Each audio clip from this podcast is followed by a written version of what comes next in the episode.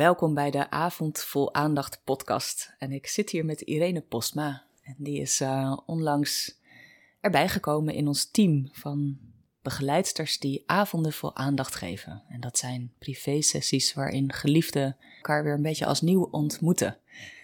Heel erg uh, fijn om te doen. En ik ben heel blij dat je erbij bent, Irene, dat je mee komt doen. Ik ga je een beetje introduceren en dan kan je, ben ik heel benieuwd wat je, waar ons gesprek zo meteen heen gaat.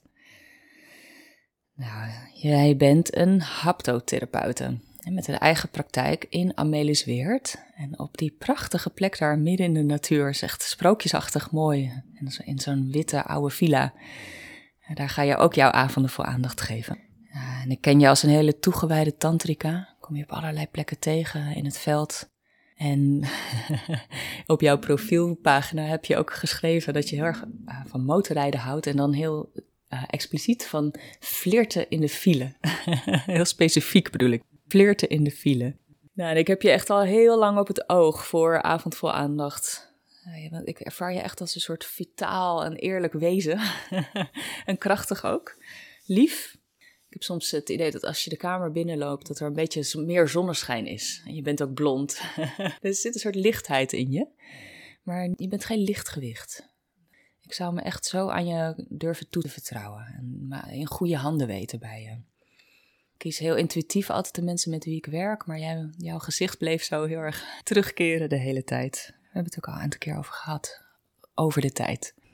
Je hebt ook uh, veel ervaring in het begeleiden van mensen vanuit je haptotherapiepraktijk. En dat vond ik een hele mooie combinatie, dus ik hoop dat we het daar ook veel over gaan hebben. Haptotherapie en tantra hebben veel raakvlakken, ze zijn veel met elkaar verweven. Net vertelde je dat de avond van aandacht aan je samenwerking, hè, onze samenwerking, en dat die je eigenlijk een beetje uit je comfortzone trekt. Met het maken van foto's en het maken van een uh, tekst. En ja, dat het en spannend is en leuk. Ik ben heel benieuwd om daar een beetje wat van te horen. Want je staat echt net sinds afgelopen week op de website ook. Met ja, al die foto's en ook de teksten en zo. Nou, ik wil eerst even zeggen, Marij, wat heerlijk je introductie. Dus ik zit hier helemaal warm te zijn en te gloeien van wat je over me zegt. Het is heel fijn om zo geïntroduceerd te worden. En um, het is inderdaad wel echt uit mijn comfortzone.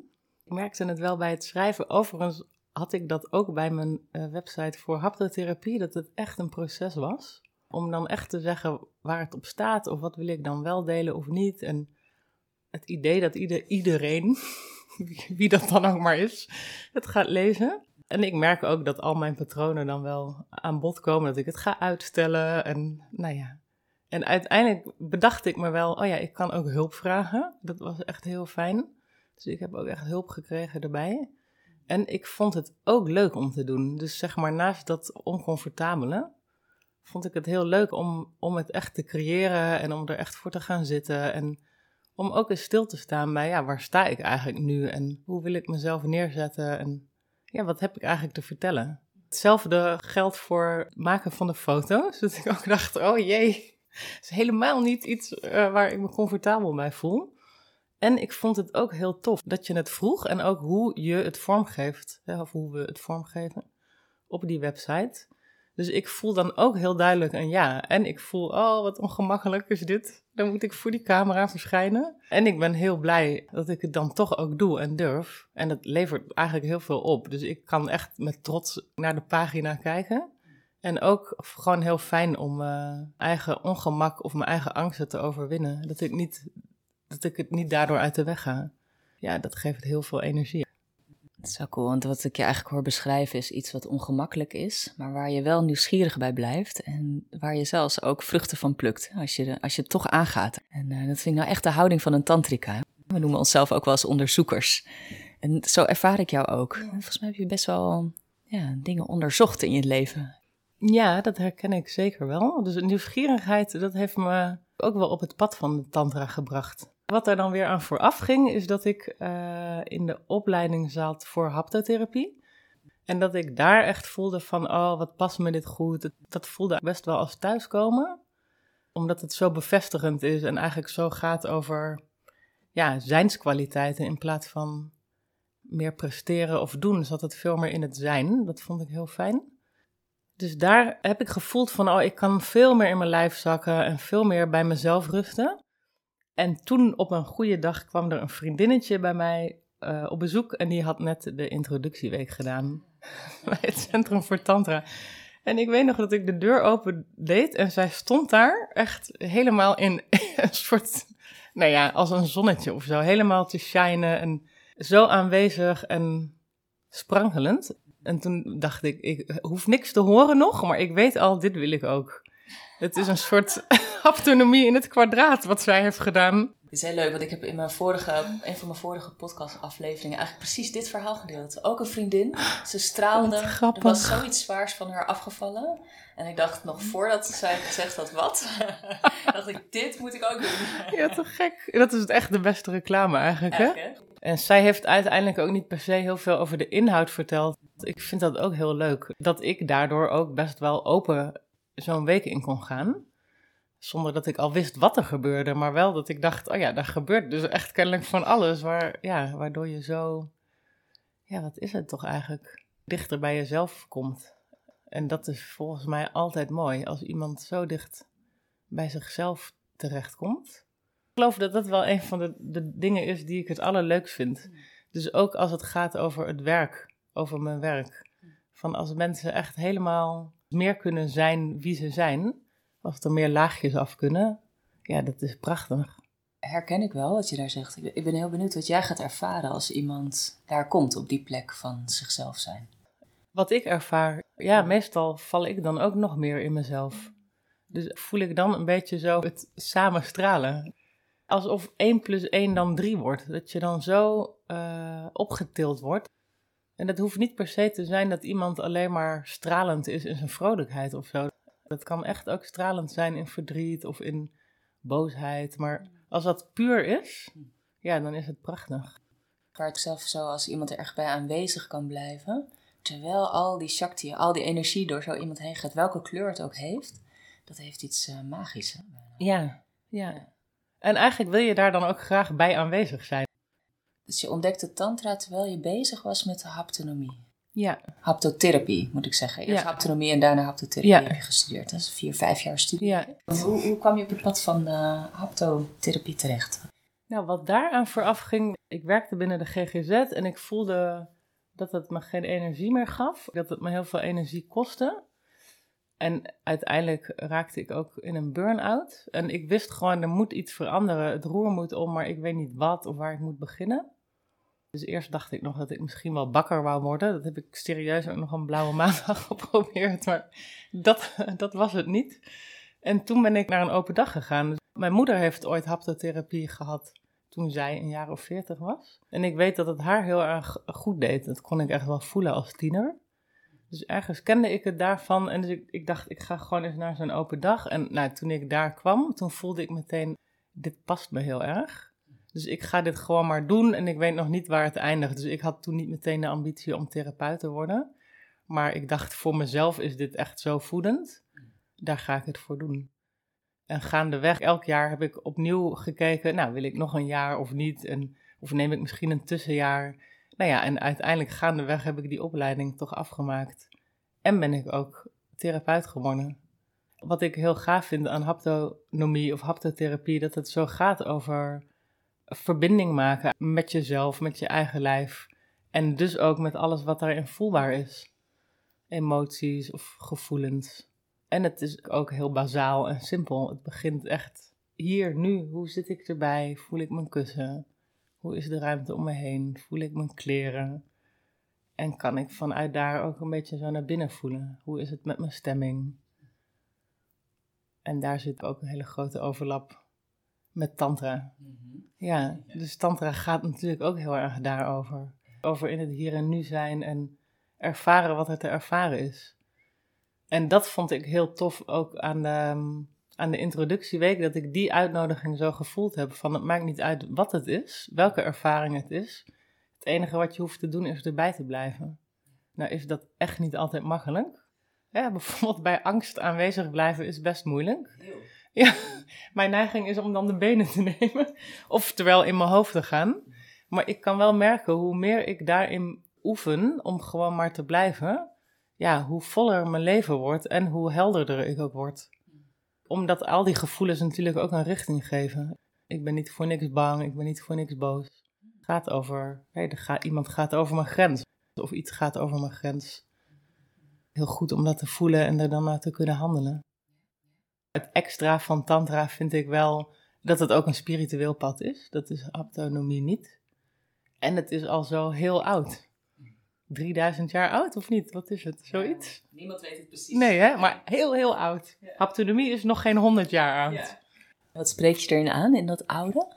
In het idee dat uh, dus al die mensen die ons voor waren, dat die hier ook mee bezig waren. Met dat pad van bewustzijn, zelfontwikkeling, bewust aanwezig zijn. En daarmee het leven zo ja, vol leven dat dat een hele lijn voor ons is geweest van mensen die dat ook hebben gedaan. Ja, dat vind ik echt iets heel gaafs hebben. En ook de intelligentie die daar uitspreekt. Het is misschien ook een beetje arrogant om te denken dat mensen 3000 jaar geleden minder intelligent zouden zijn of zo. Maar het is, is natuurlijk helemaal niet zo. En toch vind ik het ook een fascinerend idee dat er in die tijd al nou, hierover na werd gedacht of hier, hierin beoefend werd misschien wel juist toen. Ja. Als je het hebt over de haptonomie ook, dat is ook niet iets nieuws. Hè? Jezelf voelen of ervaren, of verbinding maken met jezelf en vanuit daar met een ander. Dat is natuurlijk iets heel bazaals. Alleen we raken het een beetje kwijt. Volgens mij is dat waarom de haptonomie ontwikkeld is. Met al het denken en zo de nadruk daarop, hè? op het hoofd, het denken, op technologie, op snappen, weten. een mooie aspect van Tantra daarin, bijvoorbeeld het feit dat we in Tantra veel rituelen doen, vind ik zo mooi. Er is niks wat je eraan kan begrijpen. Het enige wat je kan doen is de handelingen. Door je lichaam te bewegen en eh, ergens een bloem neer te leggen of een kaars aan te steken of hè, zo. En daar gewoon heel erg bewust bij aanwezig te blijven en dan te zien wat er gewoon vanzelf blijkt te gebeuren of niet te gebeuren. En misschien wordt het iets heel, een hele diepe ervaring. Misschien denk je, nou, ik zit hier lekker, het is donker, de kaarsjes zijn aan, we zingen een beetje. Eenvoudig misschien. Ja, ik hou heel erg van die aspecten inderdaad, die meer onderdeel zijn van tantra als spiritueel pad, wat het echt is. En waar je als het ware gewoon in de ervaring werpt en kijkt waar die je brengt, eigenlijk. Waar therapie vaak een heel helder doel heeft. Ja. Misschien wil je daar ook iets over zeggen. Ja, dat is leuk dat je dat zegt. Dat herken ik ook. En ik moet zeggen, soms is het ook moeilijk om inderdaad, doelgerichtheid heeft ook iets makkelijks. Hè? We gaan van A naar B en dat is dan de richting. In haptotherapie komt iemand natuurlijk met een bepaald doel. En dat gaat heel vaak eigenlijk over je lijf meer voelen of meer contact maken met jezelf. En bij tantra is dat veel, veel opener. Dus als ik een tandava doe, ja, dat, dat gaat nergens naartoe. Dus dan beweeg ik, of ik laat ik bewegen op muziek en ja, eigenlijk geen idee waar dat over gaat. En ik moet ook zeggen dat ik dat soms heerlijk vind en soms ook best moeilijk. Ik kan soms ook echt denken als ik dat doe, wat ben ik nou eigenlijk aan het doen? Ja. kan ik mijn tijd niet beter besteden? Zo hè? ja, terwijl het dus ook iets heel fijns heeft om het niet te weten, om niet te weten waar het uitkomt. En je komt natuurlijk altijd wel ergens uit. Ja, dus in tanda beoefen je eigenlijk om je lichaam heel losjes te laten zijn. Hè? En die wordt dan een, beetje aangestuurd eigenlijk door je adem. En dan komt er vanzelf een soort beweging. Je gaat je adem verdiepen op een bepaalde manier. En dat is het dan. Hè? Dus ben je, je hangt gewoon een uur lang hè, vaak met jezelf uit, terwijl je lichaam zo rustig in beweging komt. En dan komt er wat muziek bij. En het kan heel ontspannen zijn om dat te doen. En het kan ook een dikke mindfuck worden. Precies. ja ja. ja, want iets in ons is gewoon zo ontzettend efficiënt. We hebben zo geleerd dat de bewegingen die we maken, dat die een doel moeten hebben, een richting moeten hebben. Dus ik, ik, zou zeggen dat onze hele maatschappij ergens wel is ingericht op een soort punt op de horizon eigenlijk. Hè? In plaats van te voelen hier in je lichaam. Ik ben heel benieuwd wat het jou heeft gebracht toen jij ging voelen in je lichaam. Toen ik mijn lichaam meer ging voelen, ging ik mezelf meer serieus nemen. Dus waar ik soms ook een beetje om mezelf heen ging, of nou, dit gevoel is niet zo fijn, of hiermee kan ik toch niet voor de dag komen, werd het echt wel meer authentieker, zou ik zeggen. Dus ik werd authentieker naar mezelf toe, maar dus ook hoe ik tevoorschijn kwam. Dus voor mijn burn-out kan ik me echt herinneren hoe ik soms zo'n lach op mijn gezicht had geplakt. Niet dat ik dat nu nooit heb hoor. We zetten allemaal ook zo vaak een gezicht op, hè? Maar ik kan me echt herinneren dat ik mezelf er toen op betrapte. Dat ik me eigenlijk niet goed voelde en dan toch op mijn werk maar doorging. En dus helemaal voorbij ging aan mezelf voelen. En voor mij was het echt een breekpunt dat ik overspannen raakte en niet anders meer kon dan huilen. Als collega's vroegen iedereen hoe gaat het, dat ik gewoon alleen nog maar kon huilen en ik schrok me kapot. Dus controle kwijt. Maar juist dat heeft me heel veel gebracht. En dat heeft me echt stilgezet, vertraagd. Dus ik kende ook zo goed het effectieve en efficiënte van hard sporten en presteren daarin. En dat geeft ook een enorme kick en een goed gevoel. Ja, en maar doorgaan totdat ik stilgezet werd en echt moest voelen van, ja, wie ben ik dan eigenlijk nu? Nu ik dat allemaal niet meer doe, maakte dat ik veel dichter bij mezelf kwam en bij mijn eigen wensen en mijn eigen grenzen. Van wat wil ik, wat wil ik niet. Mooi voorbeeld van hoe je lichaam een crisis voor je produceert. Mm. Door die burn-out. Een crisis zodat je eigenlijk wonden kan helen, nieuwe dingen kan leren en jezelf kan leren kennen. Ja, dat is een heel ding. Ja. ja, dat is zeker een heel ding, ja. Het is heel wonderlijk dat als je erin zit, dat het zo. Tenminste, heb ik gemerkt dat gaandeweg het proces of achteraf, dat ik echt kan zien van, oh ja, en dit heeft het me gebracht. Terwijl als je erin zit, is het echt ook maar een beetje aanploeteren of zoiets. Maar als ik terugkijk, dan kan ik echt zien, ja, dat heeft me heel veel gebracht. En dat was dus de periode ook dat die haptonomie voor mij bijvoorbeeld begon. En nou, vanuit daar weer de tantra. Dus het zijn echt wel belangrijke pijlers of momenten in mijn leven. Het is wel leuk, dat avond voor aandacht is echt nog heel fris. Hè? Volgens mij heb je nu één. Ja, ik heb er één gedaan. Eén stel ja. precies. Ja. en dat is heel specifiek werk natuurlijk, hè? waarbij je privé met mensen en waarbij je met z'n drieën in ruimte zit.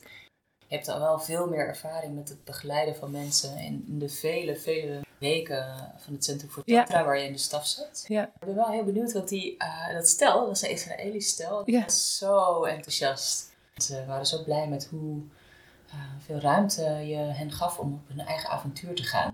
Ja, ik, ik vond het heel leuk uh, dat jij mij toen vroeg van, hey, ben je er al klaar voor?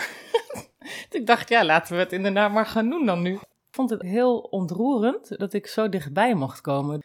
Zij waren allebei best zenuwachtig. En ik realiseerde me ook, wow, dat is voor hun echt wel misschien een eerste stap op zo'n pad als dit. Wat moedige mensen dat ze dit dan gaan doen. Misschien nog wel des te meer omdat ze uit Israël kwamen en dan ga je ergens in het buitenland bij iemand die je niet kent dat doen. Uh, dus zeg maar dat moedige, daar kan ik dan echt heel veel respect en waardering voor voelen.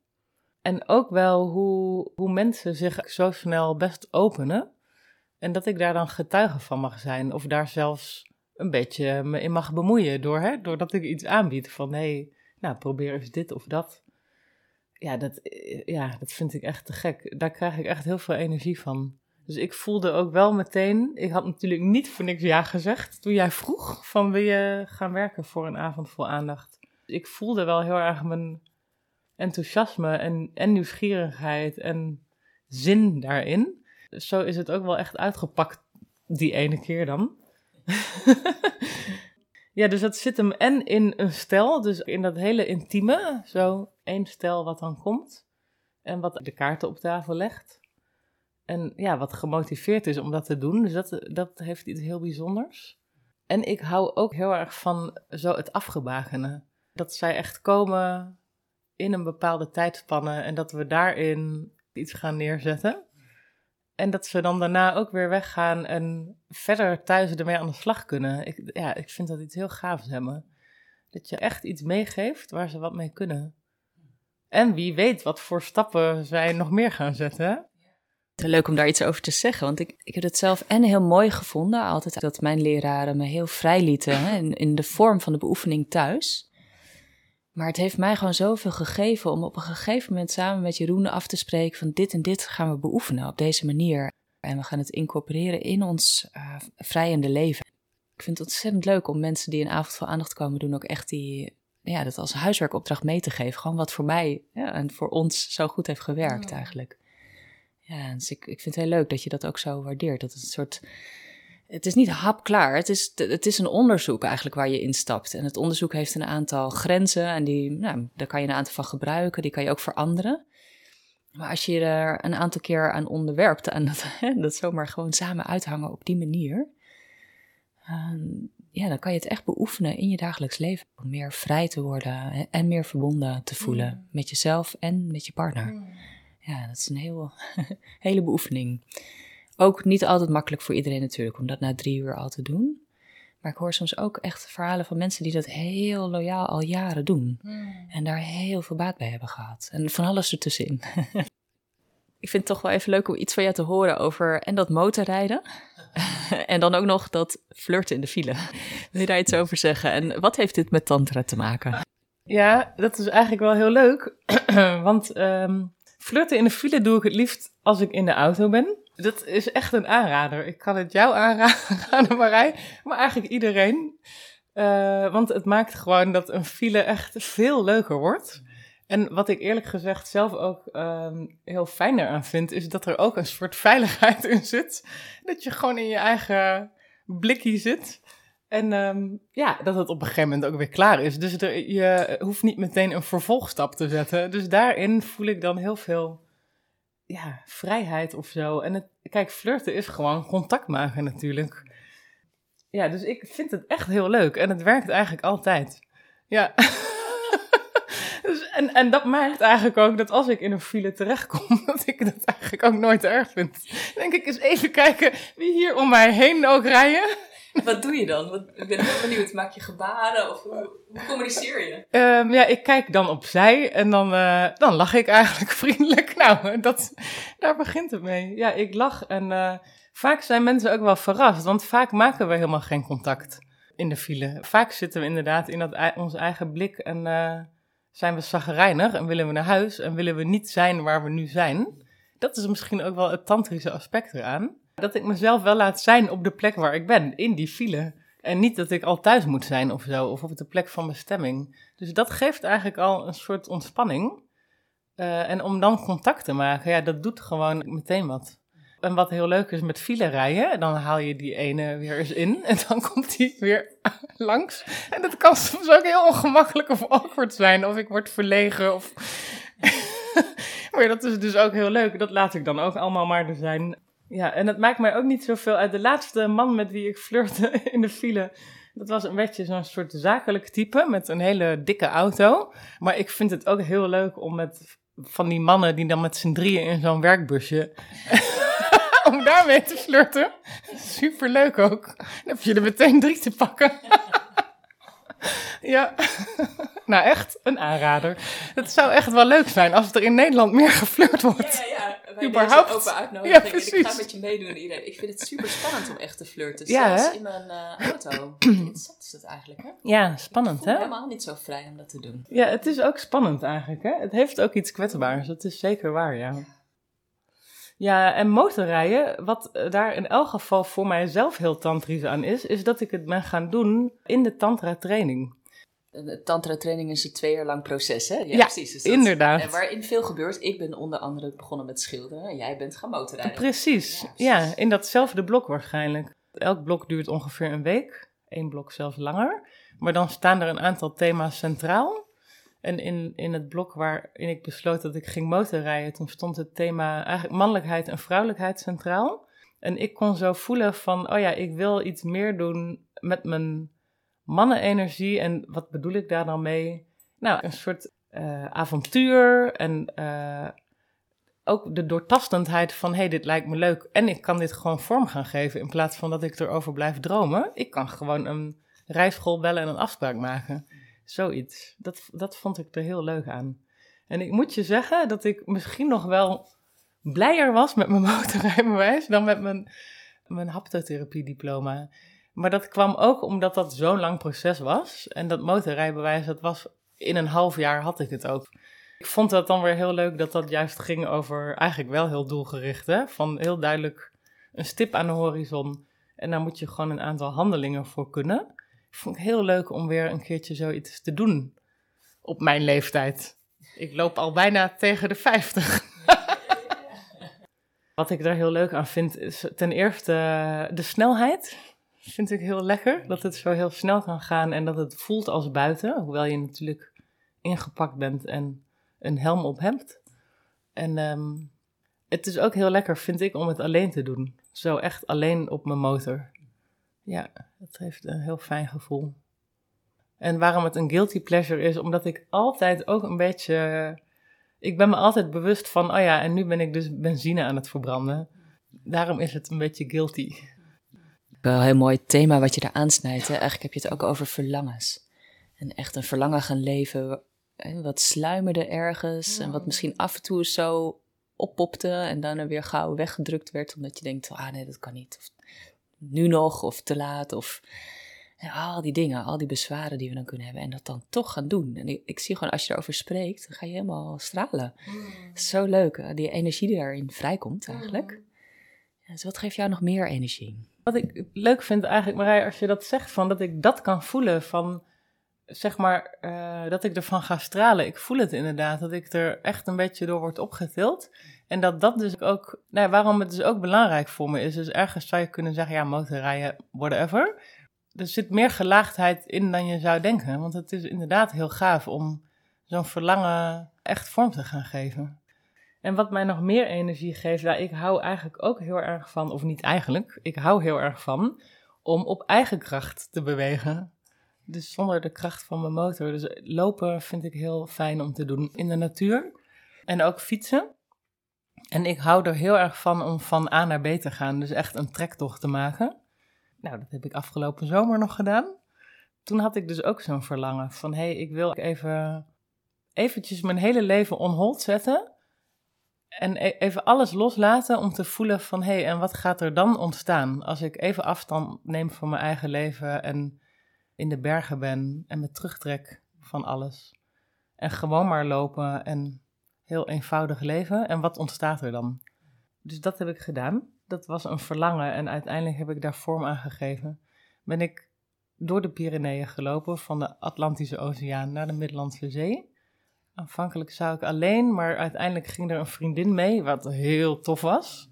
Daar werd het nog leuker van zelfs. Ergens leek het me fijn om het alleen te doen, om dan helemaal zo alleen met mezelf te zijn. Maar het was eerlijk gezegd heerlijk dat zij erbij was, want het was echt ook best zwaar en afzien. Ik had verwacht dat ik na een week wel fit zou zijn en dat ik het makkelijk zou doen, maar het was, ja, ik vond het echt niet makkelijk. Al die kilometers en hoogtemeters en de warmte en ook best wel matig eten en al het eten wat je wilt eten, dat moet je ook echt meenemen in je rugzak. Dus je, nou ja, dan word je ook best kritisch van wat neem ik mee en wat niet. Maar goed, los daarvan, dat was echt fantastisch om zo door de natuur te trekken en terug te gaan naar de, de, de eenvoud en de basis. En ik kon zo voelen van, oh ja, wat heb ik nou eigenlijk echt nodig? Nou ja, niet zo heel veel. Vanuit daar ontstonden er weer nieuwe ideeën. Ik kon vooral voelen wat ik allemaal niet meer wilde. Dus er waren best veel dingen waar ik van voelde van, dat, dat wil ik niet meer. En, en toen bleef er nog betrekkelijk weinig over. En toen heb ik een tijdje ook mijn leven best wel niet zo heel erg ingevuld geleefd. Dus met veel minder invulling. Dat gaf me echt veel ruimte. En vanuit daar zijn er dan ook weer nieuwe dingen ontstaan. Nou ja, onder andere Avond Vol Aandacht is het er dus nu. Dus het is echt zo leuk. Maar het vraagt ook de moed om, om uh, los te laten. Want ik ben met alle dingen waar ik mee gestopt ben, was er niks wat ik niet leuk vond. Dus het waren allemaal ook waardevolle, waardevolle activiteiten of waardevol werk of waardevolle sport. En toch voelde ik van, hé, hey, maar ik moet ruimte in mijn leven. Ik ben wel benieuwd, hè? Dus eh, ja, toen je aan Tantra begon, was je samen met partner, geliefde met wie je ook getrouwd was. En jullie zijn toen na een paar jaar volgens mij ja, uit elkaar gegaan. En dat is heel liefdevol gegaan, zei je. Ik ben heel benieuwd van wat heeft, uh, wat is de invloed eigenlijk van tantra op jullie relatie destijds? En uh, we hadden het ook al over, van is je relatie gefaald als die niet heel, tot, duurt totdat je samen uh, met pensioen gaat en sterft? ja, wil je daar wat over zeggen? Wij waren inderdaad getrouwd, dus de intentie was er natuurlijk wel om samen oud te worden. En wij hebben samen de introductieweek gedaan en dat was echt, ja, echt fantastisch om samen te doen. En om daarna ook samen thuis te oefenen. En tegelijkertijd uh, merkten we ook, we raken elkaar steeds weer kwijt. En eigenlijk zaten we op een ander spoor. Waar we heel lang hetzelfde pad liepen, gingen die wegen eigenlijk steeds verder uit elkaar. Ik kan ook wel echt voelen van, en het verdrietige daarvan, kan ik nog steeds wel voelen. Van ergens is het ook verdrietig dat, het, dat we elkaar kwijt zijn geraakt. En ergens is het ook fijn dat je samen kunt beslissen van oké, maar dan gaan we ieder onze eigen weg. En ik denk zeker dat Tantra daaraan heeft bijgedragen. Eigenlijk überhaupt onze, allebei onze zelfontwikkeling. Mijn ex-man die, die deed dan ook nog wat bij een andere plek. Maar het maakte wel dat we toch in contact konden blijven. Wat natuurlijk best moeilijk is als je ergens dus ook het contact verbreekt. En natuurlijk ging het ook wel, hè, hebben we ook ruzies gehad. En ehm, was het zoeken en was het af en toe heel, heel regelmatig heel moeilijk en uh, pijnlijk. Maar het resultaat is wel dat we nog steeds wel contact hebben op een hele liefdevolle en respectvolle manier. En dat is zo waardevol. Dus ik zou zeggen, ehm, dat is behoorlijk geslaagd eigenlijk. Dat hebben we echt samen heel goed gedaan. Eigenlijk zeg je daar iets over het vermogen van ons mensen. Hè? En eh, dat vermogen kunnen we vergroten uh, om in intensiteit te zijn. Dat heb ik ook zo ervaren toen ik een kind kreeg. Ook zo'n moment van grote transformatie. Ik dacht echt, hoe zou ik dit hebben gedaan zonder tantra? Maar uit elkaar gaan, dan kan je ook nog steeds jezelf bij blijven voelen. Ook als het af en toe heel pijnlijk en eenzaam. Frustrerend. Ja.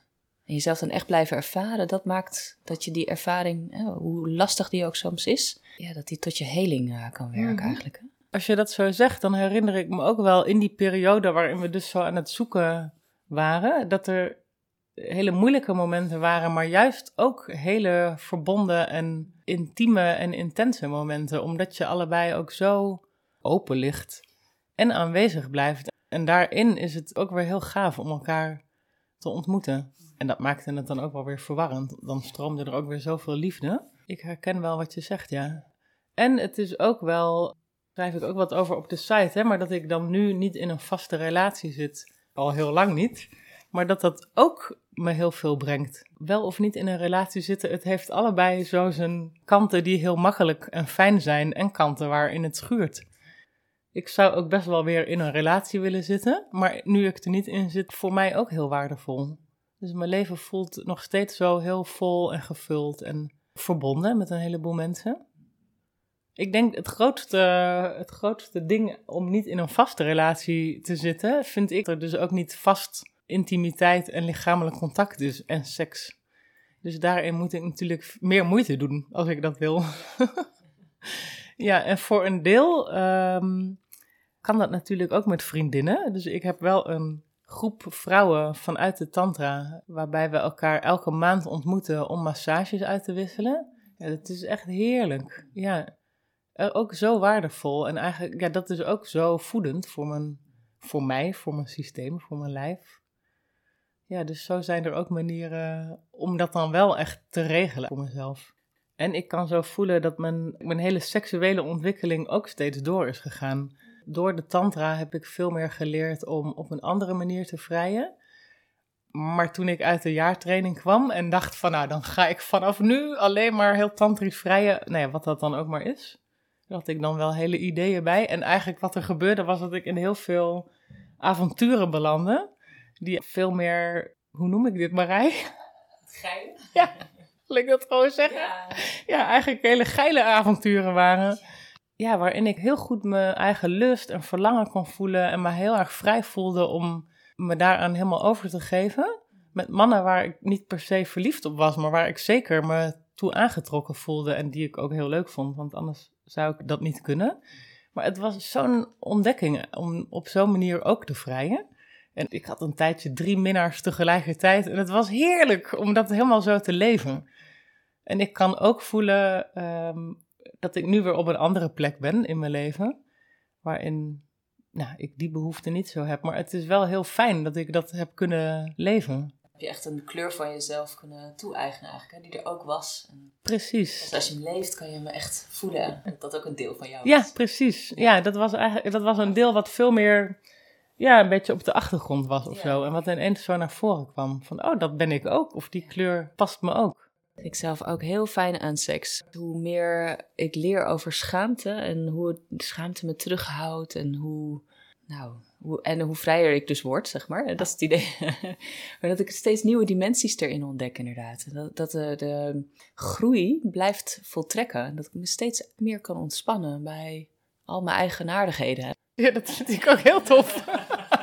Wat ik wel merk, zeg maar, dus hoe, hoe vrij ik kan zijn in een contact met een man waarin ik me eigenlijk seksueel dus heel erg toe aangetrokken voel, maar waarvan ik voel van, oh, en we gaan, hè, we gaan het niet verdiepen of dit wordt geen relatie. Daar zit ook een vrijheid in, ja, die heel, heel heerlijk voor me is en ook op een bepaalde manier makkelijk. Maar op het moment dat het dus, als ik me meer ga verbinden of als ik voel van, oh, maar dit is ook relatiemateriaal, dan wordt het ook wel echt kwetsbaarder. Dus dat kan ik echt, ik kan het zelfs voelen als ik het zeg. Dus er is ook iets waarin ik toch minder kwetsbaar opstel. Dat ik dan toch een kant van mezelf meer naar voren laat komen. En dat heeft iets heel lekkers. Maar uiteindelijk verlang ik ook naar met alles tevoorschijn komen. Ook met mijn kwetsbaarheid. En ik zou niet zeggen dat ik dat er helemaal uithaal, maar dat is natuurlijk anders als je je gaat hechten. Ja, dan verdiept het ook steeds meer zelf ook zo ervaren in de periode voor Jeroen, toen ik vrijgezel was en ook behoorlijk op jacht. ik was ook van de avontuurtjes. Ja, toen heb ik ervaren dat die avonturen hartstikke leuk waren. Ik genoot er heel erg van. Het was echt, het, was, het heelde echt iets in mij. De, gewoon een deel van mij wat echt gezien wilde worden. Het was ontzettend leuk ook al die aandacht te krijgen. Het was gewoon, ik heb er gewoon heel erg van genoten. Mm. En het verdiepte zich niet, wat heel logisch is, want je blijft de hele tijd jezelf de trucje opvoeren. En er is nooit iemand die zegt: hey, dit deed je vorig jaar ook al. hey, je kan gewoon rustig doorgaan eigenlijk met wat je aan het doen was. Ik vind dat ook zo tof van een diepere relatie. En daar heb je volgens mij ook veel ervaring mee. Maar dat, als dat gebeurt, je gaat elkaar echt vertrouwen. Er ontspant een deel in jou. Een deel van je gaat het veilig voelen. Hè? Dat er nieuwe dingen kunnen gaan gebeuren. En dat dat ook een van de redenen is waarom ik heel graag met stellen werk. Mm. Omdat die verbinding er is en die veiligheid. En het zijn met z'n tweeën vormen zoveel sterker veld eigenlijk dan mm. alleen. Je mm-hmm. kan veel dieper naar binnen vallen eigenlijk als je partner bij je is. En je ervaart hem of haar als steun. En, en als veiligheid ik, in mij is ook een grote behoefte om soms alleen te zijn en mm. tijd met mezelf te besteden. En dan ga ik ook weg. Mijn variant van op de motor stappen. Gewoon ergens naar een vreemde plek en daar een paar dagen zijn. En of een retraite gaan doen met mensen die ik nog helemaal niet ken. Ja, zo fijn. Echt wel belangrijk. Echt belangrijk.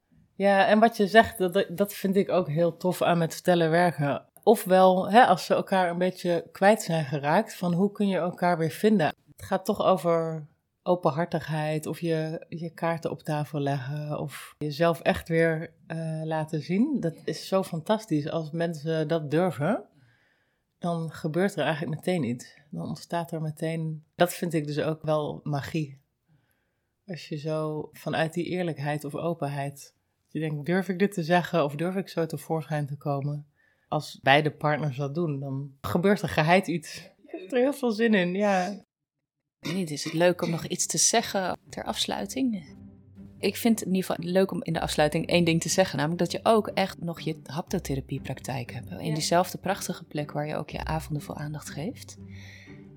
Uh, dus ook als je therapie zoekt, eh, dan kan je bij jou terecht. En soms is therapie echt een goed idee voordat je tantra gaat beoefenen. Als je voelt dat je lichaam heel slecht toegankelijk is en dat je bijna niks kan voelen, dan is het gewoon heel fijn als je je lijf al een beetje hebt leren kennen en weet een beetje hoe je je grenzen kan voelen en je verlangens kan voelen voordat je aan tantra gaat beginnen. En je valt te vinden onder haptotherapie Amelis Weert. Hè? Er zit een streepje tussen. Zo'n ja. haptotherapie streepje in het midden Amelis Weert.nl. Ja, en dus uh, sinds kort ook op de Avond Vol Aandacht website. Dus als je nou naar de agenda gaat bijvoorbeeld en uh, je kiest als locatie Amelis Weert of als trainer kies je Irene, dan zul je de sessies met haar daar vinden. En, en ja, daar zijn ze te boeken. Yes, nou, heb jij nog iets te zeggen? Nou, als je dit hoort en je denkt, ik wil dit gaan doen met mijn geliefde, en je twijfelt, dan neem zeker contact op. Wat je vooral nodig hebt is zin in avontuur. En wat heel erg helpt is dat je je nieuwsgierigheid meeneemt.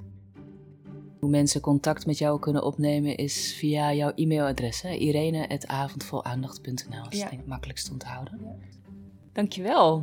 Dankjewel voor hierheen komen en dit samen doen. Dan uh, hoop ik dat deze podcast leuk en inspirerend voor je was. En als het voor je werkt, dan uh, zou je je kunnen abonneren op de Avond Vol Aandacht podcast. En als je het leuk vindt om iets van Tantra zelf thuis te ervaren, samen met je partner, dan kan je onze gratis partneroefening downloaden op avondvolaandacht.nl slash gratis. En dan kan je het zelf thuis een beetje ervaren. Het duurt 25 minuten, dus dat kan echt een begin zijn van een hele intieme of openende avond samen. Nou, tot de volgende.